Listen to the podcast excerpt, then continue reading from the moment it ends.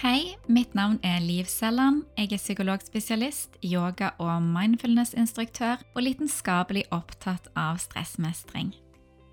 Dette er podkasten Overskuddsliv, en podkast som vil gi deg kunnskapen og motivasjonen til god stressmestring, sånn at du kan leve ditt beste liv med overskudd til det du ønsker.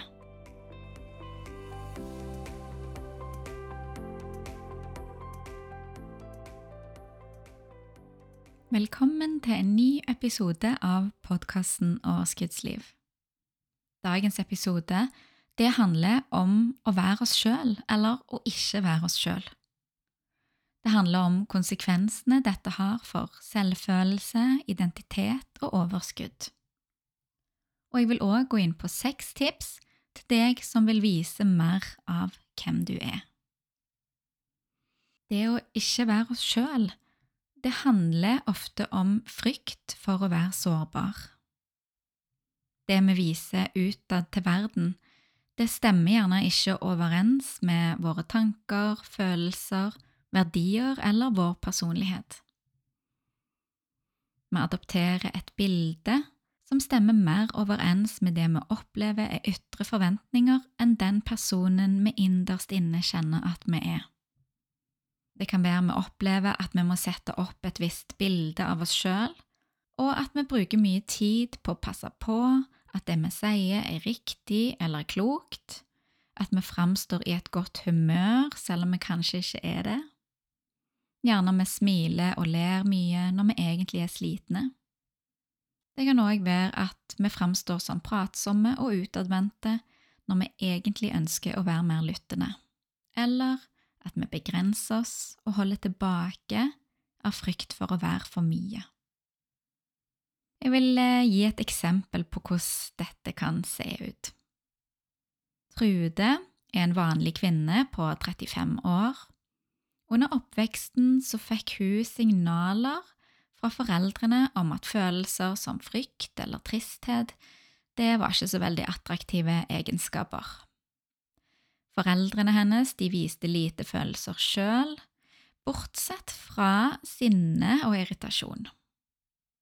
De snakket heller aldri om det som var vanskelig, og Trude var ofte den som prøvde å lage en god stemning hjemme. Hun tok tidlig på seg ansvaret for at de andre i familien skulle ha det bra, og at de ikke skulle bli sinte. Trude jobber nå i en stilling med en god del ansvar. På jobb så er hun alltid smilende og viser sjelden noen tegn til å ha en dårlig dag.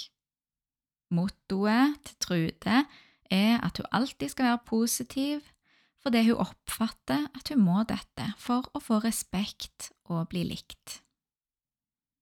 Mange i bedriften ser opp til Trude, og hun er kjent som den som alltid sprer glede og tåler det meste.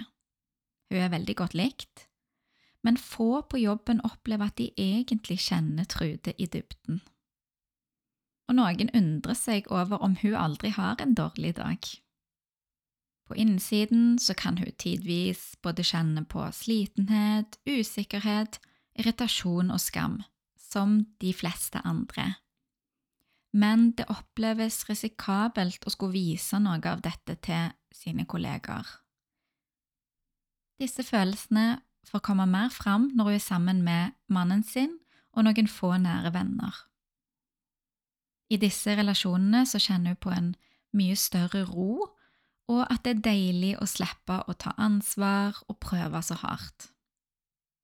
De gangene Trude er i større selskap, så blir hun igjen gledessprederen, sånn som hun er på jobben, og tar ansvar for at de andre skal ha det morsomt og når Trude kommer hjem fra disse selskapene, så er hun helt utslitt. Noen ganger så kan Trude føle at rollen hun er på jobb eller i andre settinger hvor hun kjenner litt på usikkerhet, føles som et slitsomt skuespill. Å være en annen enn den vi er, det kan handle om ting inni oss sjøl, ting som vi har med oss fra oppveksten eller seinere men det kan òg handle om miljøet vi er i. I noen miljøer så kan det være mer press på å være på en viss måte. For eksempel så kan det være at vi er i en vennegjeng hvor det er viktig å framstå som svært omsorgsfull og hjelpsom, kanskje janteloven står høyt, og at man må passe på å ikke vise sider som handler om stolthet over noe man har fått til, eller fokus på seg sjøl, eller noe annet som kan framstå som, som selvsentrert. Eller man kan være i en vennegjeng hvor kulturell kapital står høyt. Man må kanskje framstå som kunstinteressert og sofistikert, ha kunnskap om å lese de rette bøkene, og være engasjert i de rette sakene eller ha holdninger som matcher de andre i gruppen. I en annen vennegjeng er det kanskje penger og status som er målestokken. Man må kanskje like den rette vinen eller vise til dyre ferier, eie dyre ting. Sammen med denne i vennegjengen så blir det kanskje viktig å få fram sine prestasjoner og styrker på mer eller mindre subtilt vis. Vi former oss gjerne i dette bildet, selv om dette kanskje ikke er det vi kjenner er riktigst innerst inne. Det vil alltid danne seg kulturer i grupper, normer, holdninger og meninger som er mer eller mindre akseptert. Og så lenge vi er en del av grupper, så vil òg den vi viser utad, formes etter hva grupper vi er i. Men grupper de kan virkelig variere i hvor sunne de er for oss, og hvor godt de stemmer overens med den vi egentlig er. Dersom vi befinner oss i en gruppe hvor gruppepresset er høyt, og dette ikke stemmer overens med våre verdier eller vår personlighet, så kan det bli en stor påkjenning. Det å skulle framstille oss som noe vi ikke er, om det handler mest om gruppen vi er i, eller grunnleggende usikkerhet i oss sjøl, gjerne fra tidligere, så kan det kjennes trygt ut der og da, men i lengden så kan det være med, med på å skape mye stress. I og med at vi er en annen enn den vi kjenner innerst inne, så får vi ikke tilfredsstilt like mye av våre behov. Kanskje Trude hadde behov for å dele på jobben at hun kjente seg usikker på et nytt prosjekt, eller at hun hadde behov for å ikke ta på seg så mye ansvar for at det ble latter på julebordet, men heller ville lytte og dele noe ekte. Kanskje en av vennene i gjengen hvor kulturell kapital er viktig, egentlig har lyst å diskutere Kjendisnytt ikke tolkningen av et nytt teaterstykke. Eller at en av vennene i Status og rikdom-vennegjengen har gått konkurs, men overfor vennene må skjule dette og alt det innebærer for han, ut av reell frykt for å bli utstøtt. Sosial tilpasning, det å tilpasse oss de vi er rundt og de gruppene vi er i, det er jo selvfølgelig viktig, vi kan ikke snakke fra leveren hele tiden, for vi skal jo fungere som sosiale vesen. Men når vi begynner å skjule for mye av den vi er, eller blir en annen, så blir det ikke bare slitsomt, men det kan òg hindre god kontakt med andre. Og dette kan være med å bidra til følelser av ensomhet. Vi kan òg begynne å kjenne på at vi fjerner oss fra vår egentlige identitet. Dette går utover selvfølelsen, for vi trenger både å få uttrykt og få bekreftelse fra andre på den vi egentlig er, sånn at vi kan få en opplevelse av at jeg er ok. Tilbakemeldinger på en rolle vi spiller, eller en maske vi setter opp, det betyr ikke så mye for selvfølelsen, for det, er jo egentlig ikke oss. Det kan være mange forskjellige grunner til at vi setter på oss disse maskene våre, eller former oss sjøl så mye at det, det, begynner å bli et stykke fra den som vi egentlig er. Noen ganger så kan det jo ha med oppveksten å gjøre, sånn som jeg var inne på, hva vi er opplært til, eller hvordan vi har observert at foreldrene våre har vært. For en person så kan dette kanskje handle om at en har vokst opp i et eh, miljø med en omsorgsperson som sleit med depresjoner, og hvor man måtte ta rollen som den som alltid var lystig og, og muntra opp. Og i voksen alder så kan en kanskje kjenne på at en blir klovnen i gjengen, eller den som alltid fremstår munter. En annen ble kanskje latterliggjort eller på andre måter påført skam av sine foreldre, og derfor begynte å strebe etter å gjøre alt perfekt og la bånd på sin spontanitet. Som voksen så framstår denne personen kanskje som reservert og forsiktig, selv om den innerst inne ikke er sånn. En annen grunn kan være at en gjerne nesten bare fikk positiv oppmerksomhet når man presterte, og at alle tegn til svakhet derfor ble skjult. Som voksen så har man gjerne oppnådd en høy stilling og mange prestasjoner, men blir utbrent fordi denne måten å leve på er utmattende, og kanskje heller ikke helt i tråd med indre verdier. Men det er ikke bare våre foreldre som har forma oss. Andre ganger kan det ha med opplevelser vi har hatt i barndommen eller i voksen alder. Det kan for eksempel være at vi har blitt svikta, forlatt eller påført skam for den vi er, i en eller annen setting og situasjon. Og det kan handle om gruppene vi er i nå, dersom det er sterke forventninger og kanskje òg forskjellige former for psykologisk straff for de som avviker å skulle legge fra seg masken og vise seg sjøl, og dermed òg gjøre seg sårbar, kan oppleves ekstra risikabelt i sånne grupper. Selv om en del av oss til tider befinner oss i miljøer med gruppepress, så vil det for de fleste av oss handle mer om indre bremser fra gamle opplevelser og mønster. Miljøene vi er i, er gjerne egentlig trygge nok, og de fleste rundt oss vil ikke utnytte vår sårbarhet. Så hvordan skal vi da klare å vise litt mer av oss sjøl? Og i større grad uttrykke våre tanker, følelser, interesser og behov. Å våge å være mer spontan og våge å følge magefølelsen. Å gjøre og si og være sånn som vi vil i en sosial setting. Ikke sånn som vi tenker at andre forventer, eller sånn som vi tenker at vi bør.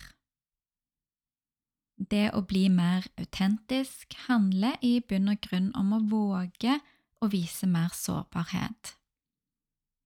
Maskene vi setter på oss, når vi er en annen enn den vi er, de er det motsatte av dette. Det er noe som vi gjør for å bli mer usårbare. Og vi gjør det for å slippe kanskje den mest fryktede følelsen av alle, og det er skam. Når vi viser oss sjøl, så kan en negativ respons fra andre stikke dypt, og det kan fremkalle smertefull skam. Men blir vi møtt på en ok måte, så vil det være positivt for oss på veldig mange vis. Å velge å være mer autentisk kan for en person være å fortelle til en kollega at en er sliten og kjenner på mer angst for tiden. For en annen så kan det være å fortelle noe en syns var morsomt for en tredje så kan det være å fortelle noe en har fått til, noe en er stolt over. Og ved å vise mer av sidene våre, og de vi opplever som kanskje litt rare, eller de vi opplever som svakheter i oss sjøl, så vil vi få bedre kontakt. Det er lettere å lette på masken og vise oss litt mer i grupper hvor vi kjenner på trygghet.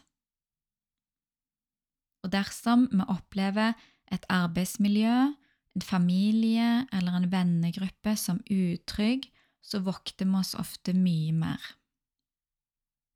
Dersom vi er rundt mennesker som har en tendens til å manipulere, komme med stikk, drive med hersketeknikker eller være ufin på andre måter, så er det gjerne det siste vi ønsker å gjøre, å være åpen og sårbar. Og dette er faktisk i noen tilfeller òg helt nødvendig for å beskytte oss sjøl. Men dersom vi er i et miljø hvor vi kjenner at her kan jeg sannsynligvis være trygg, hvordan skal vi da klare å bli mer autentisk? Jeg har satt opp seks punkter for deg som ønsker å bli mer autentisk, ønsker å trene mer på dette, sånn at du òg kan få mer av fordelene som dette gir. Det første punktet, det er å bli kjent med den du er. For å vise mer av deg sjøl utad, så må du òg kjenne deg sjøl. Dette kan du gjøre gjennom refleksjon, det å prøve å ta en vennlig og nysgjerrig holdning til deg sjøl. Du kan eksempel undersøke hva dine verdier er, enten ved å snakke med noen om det, eller å skrive opp hva er dine viktigste verdier. Du kan gjerne undersøke hva er dine styrker, hva er dine svakheter, mål, hva er du interessert i, hva får deg til å føle deg vel, og hva får deg til å kjenne på glede? Kontakt med kroppen kan òg gi oss stor innsikt. Følelser de er fysiske, og å bli kjent med og var på følelsene våre gjør oss òg mye mer klar over våre behov i forskjellige situasjoner. Tren på å kjenne etter på magefølelsen gir den tommelen opp eller tommelen ned for noe som du står i, gjør eller vurderer å gjøre. Punkt nummer to, det er det å hente fram motet. Det å våge å trene på å være litt mer åpen, selv om det kjennes risikabelt. Å våge å være mer åpen kan være å vise mer av vår personlighet, vise mer av våre svakheter, feil, vise mer av våre meninger, selv om det er en annen mening enn de rundt oss har, men òg vise det vi gleder oss over og er stolt over. Og om det kjennes for risikabelt ut å vise deg sjøl, så kan du gjerne prøve å finne ut de tryggeste arenaene først. Om målet ditt er å være mer deg sjøl på jobben, så kanskje det er én eller to kollegaer som kjennes mer trygge ut å begynne med. Når vi blir mer åpne på denne måten, så vil vi ofte oppleve at folk rundt oss reagerer forskjellig. Mange vil sannsynligvis reagere positivt, og kanskje òg åpne seg tilbake. Men det er ikke alle som vil gjøre dette. Og selv om du begynner å trene på å være mer sårbar, så er det ikke alle som ønsker eller klarer det samme. Dette er det òg viktig å akseptere, og det betyr ikke at det du gjør, er feil. Vi finner gjerne raskt ut, når vi begynner å åpne oss mer, av hvem det er enklest å være oss sjøl sammen med. Men først så må vi våge å ta sjansen på å prøve. Punkt nummer tre det er å trene deg på å håndtere skam. Når vi begynner å åpne oss, så kan det følge med følelser av skam, selv om det er rett, det vi gjør. Dette kan være fordi vi sjøl kjenner at vi gjør noe uvant, eller fordi andre ikke møter åpenheten vår på en god måte. Og det fins ingen enkel måte å eliminere skam, men vi kan jobbe med det. Og den aller mest effektive måten å jobbe med å redusere skam i øyeblikket og på sikt, det er å trene opp selvmedfølelse. Og dersom du ønsker å trene på dette, så lytt gjerne til episode åtte Selvmedfølelsen er en superkraft for å lære mer om dette. Punkt nummer fire det er å begynne å våge å innrømme noen av dine feil eller svakheter dersom dette ikke har vært vanlig for deg å gjøre. Det kan være ubehagelig å innrømme feil vi har gjort, men det kan òg være veldig godt. Og mange vil nok reagere positivt på deg om du gjør dette. Om du tenker deg om, liker du best de som innrømmer sine blemmer, feil og flauser, eller de som aldri gjør det, og som alltid framstår som perfekte? Det er jo faktisk sånn at vi som regel liker det som er uperfekt. Jeg syns det er mer behagelig og avslappende å være rundt mennesker som ikke alltid er superkorrekte eller har alt på stell. Da føler jeg at jeg òg kan få lov å være litt uperfekt. Når jeg er rundt de som virker til å ha full kontroll og alltid gjør ting korrekt, så er det sånn at jeg kan òg begynne å kjenne at jeg må stramme meg litt opp og gjøre ting ekstra ordentlig. Kanskje du kjenner på litt av det samme. Punkt nummer fem det er å være obs på hvem du omgås. Er du i sosiale grupper hvor du trygt kan trene deg på å være deg sjøl og forvente at det blir møtt på en god måte, eller er du i miljøer som ikke er like åpne og støttende. For å være oss sjøl så må vi kunne føle på en viss trygghet med de vi omgås. Dersom du kjenner deg utrygg, og du tror dette handler mest om deg og dine erfaringer, så går det an å jobbe med det. Men dersom det handler om at du er i en usunn gruppe, så kanskje du heller skal se litt på om det er verdt det å tilbringe så mye tid i denne gruppen. Har du et valg, går det an å begrense, eller er det sånn at den gruppen må du være rundt, f.eks. på jobb? Og da er det kanskje ikke den gruppen en skal begynne med å være mest sårbar i. Men vær litt obs på hvem du omgås med. Punkt nummer seks det er å trene på å la deg styres litt mindre av andres godkjenning. Det viktigste det er hva du syns om deg sjøl. Det er dette som gir deg en god selvfølelse. Og dette kan du gjøre med å eksempel stille deg sjøl spørsmålet Hva ønsker jeg å gjøre nå? Hvordan ønsker jeg å være i denne situasjonen, eller hva ønsker jeg å si eller snakke om? Å være sårbar og autentisk handler altså ikke om å dele alt vi tenker og føler. Vi skal ennå tilpasse oss de sosiale kodene og ta hensyn til andre. Men om vi klarer å være mer nær oss sjøl og legge fra masken om vi har båret på en sånn maske, kanskje si at vi har en dårlig dag, dele hvis det er noe som gjør oss usikre, kanskje be om hjelp, våge å være litt mer sårbar på annen måte, så vil vi føle oss mye nærere andre, og de vil sannsynligvis òg kjenne seg mye nærere oss. Målet det er ikke å være 100% sårbar og åpen hele tiden. Du kan velge hvor åpen du vil være. Hjemme med vår familie så er vi kanskje 85% sårbar, mens dersom du er med i en debatt på TV, om du noen gang hadde kommet til å være med på det, så hadde du kanskje vært 10 eller 5% sårbar. Og sammen med en narsissist så hadde du kanskje satt opp full rustning, og det hadde gjerne vært det klokeste.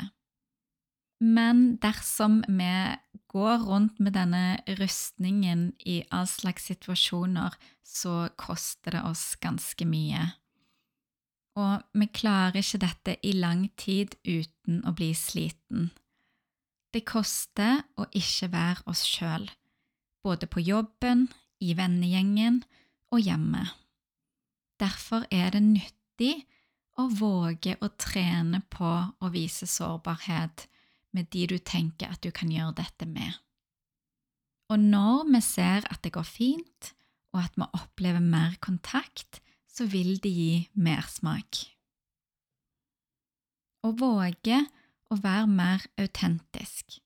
Å vise ikke bare de sterke og ordentlige sidene våre, men òg de sidene som vi kanskje ikke er like stolt av, kanskje òg de som vi er litt flaue av å vise, vil det kunne skje store positive endringer i relasjonene våre. Vi vil kunne oppleve en dypere og mer ekte kontakt til andre. Og akkurat dette, kvaliteten på de relasjonene vi har, det er den aller største prediktoren vi kjenner til for et lykkelig, friskt og langt liv. Jeg håper at dagens episode ga deg noe verdifullt. Tusen takk for at du lytta, og vi høres igjen.